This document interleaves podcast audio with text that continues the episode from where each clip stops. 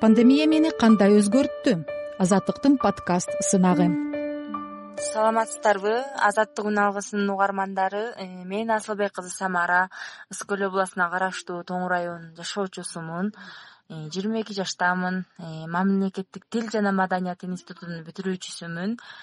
Кесибим мугалим пандемиянын менин жашоомо тийгизген оң жана терс таасири айлана чөйрөмдө болуп жаткан мага байкалган өзгөрүүлөр деген темада баяндамамды айтып берейин. Э, башында бул апат башталганда чындыгында баарыбыз туңгуюкка кептелгендей болдук. Э, бул вирус жукса айыгабызбы дарысы барбы эмне кылуубуз керек деген суроолор көбүн эсе адамдарда кездешти. Э, буга чейин ар ким каалагандай ээн эркин бейкапар өмүр сүрүп келаткан элибизге үйдө отуруу эл көп чогулган жерге барбоо тойлорду жыйыштыруу э, тааныш эместей туюлуп турду. Э, бирок адамзаты баардыгына бат көнөт эмеспизби? Өзүбүздүн үй бүлөбүздүн э, элибиздин саламаттыгы үчүн карантинде да отурууга көндүк.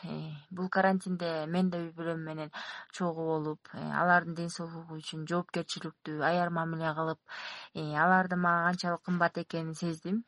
Биз мурда барып жүргөн сейил бактарга соода борборлоруна маркет э, жана ушул сыяктуу түйүндөргө таза тыкан мамиле кылуу керек экенин э, буга чейин анчейин маани бербесем да э, карантинде баардыгын аңдап түшүндүм. Бул да болсо карантиндин тийгизген оң таасирлеринин бири болду десем болот. Карантинде үйдө отуруп баарыбыз эле мугалим да болдук окшойт. Үйдөгү балдар менен бирге иштеп алар менен бирге сабактарды чогуу аткарып аттык бирок балдардын мектепке барып классташтары менен бирге билим алуусу ал да канча жакшы экенин билдим. Мугалимдердин жан дили менен берилип окутуп моралдык жактан канчалык чарчаарын баарыбыз эле түшүндүк окшойт. Азыркы кырдаалда окуучулардын билим алуусу эртеңки жашообуздун келечеги экенин унутпашыбыз керек. Ушуну менен бүгүнкү мектеп окуучулар эртеңки коомдун ээлерин окуткан мугалимдерге рахмат ал эми менин жеке пландарыма тийгизген терс таасирлери болсо мен быйыл институтту бүтүрүп мектепке жумушка кирип жаш жеткинчектерге билим берсем деген изги тилегимди кантип ишке ашырам? Азыр жумушка алышабы же жокпу деген күмөн ойлор менен жашап жаткан чагым. Э, мен азыр мендеги бир кичинекей маселени айттым. Э, азыркы учурда мындан да оор опурталдуу көйгөйлөр бар экени талашсыз. Э, албетте э, бул күндөр да бүтөт э, бул да болсо жараткандын адамзатына берген сыноосудур э, адамдар байлык бийликке умтулуп көп нерсени көзгө илбей калган учурда бул апат келип олтурат. Бул апат келгенде байлык бийлик эч нерсеге татыбаарын баарыбыз эле түшүндүк окшойт.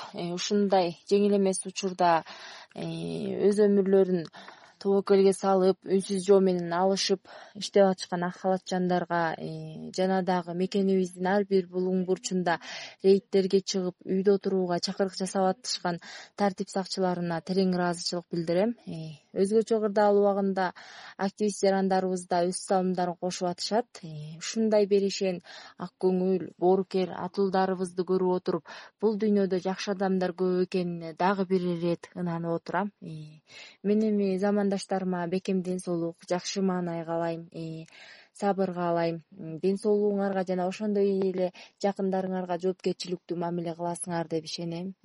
Бул учурдун жакшы жагын гана алалы жана биз үчүн чоң сабак болду деп ишенем. Элибиз бул апатты да жеңип чыгаары шексиз ал үчүн элим бирдиктүү биримдиктүү бололу. Бирикпесек пил болсок да жыгылабыз миң болсок да кырылаарыбыз анык эмеспи? Э, ошондуктан элим сабырдуу болуп биримдиктүү бололу. Э, уюткулуу улуу элдин урпагы экенибизди унутпайлы. Э, андыктан баарыбыз үчүн оңой эмес учурда кайраттуу намустуу болуп адамдык сапатыбыздан ажырабайлы демекчимин. Бул жашоо бизге аманат.